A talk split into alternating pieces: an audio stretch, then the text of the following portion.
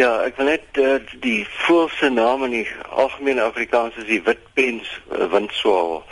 Uh, hulle het gegaan die navorsers en hulle het uh, ses van hierdie uh, windswaals gevat en en en elektroniese meganismes aan hulle vasgemaak en hulle vir 6 maande lank dopgehou uh, terwyl hulle uh, gemigreer het uit die Himalajas en die Alpe gebergtes want dis waar hulle hoofsaaklik voorkom en hulle kom ook voor in Suider-Afrika. Uh, ek wil net 'n interessante ding noem, hy word onder twee wetenskaplike name staan hy bekend, die Tachymarctus melba en by ons as die Apus melba in Afrika.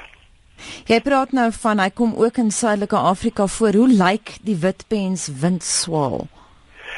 Wel hy is is 'n baie groot swaal en hy het 'n groot sy hele pens is wit en sy kop is wit.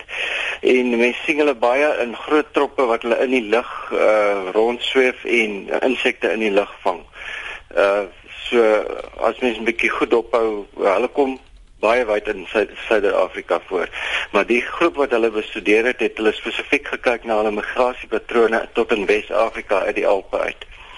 Ons het nou in ons hooftrekke ook verwys na hierdie navorsing George. Wat is die belangrikste bevinding? Wel, die interessantheid is dat hierdie eh, voels uh vir 6 maande, hulle sê tot 200 dae glad nie slaap nie. Hulle het met hierdie instrumente wat die lig gemeet het en allerlei ander faktore gekyk en wat op die einde 3 van die voels uh teruggekry toe hulle gaan broei het in die in die uh, Europese somer. En uh uh waargeneem dat hulle eintlik nooit uh, gaan sit tydens daai uh, periode nie en wat hulle doen is hulle uh, hulle sweef uh, op die wind en uh, dan dan uh, knip hulle eieltjie. Nou, ek moet sê dit laat ons lewe aansienlik makliker klink of hoe George. ja, nee, inderdaad. die die uh dit is nou die eerste keer wat hierdie soort van van studie behoorlik gedoen is en uh dit maak natuurlik baie interessante bevindinge oor die migrasiepatrone van hierdie voëls bekend.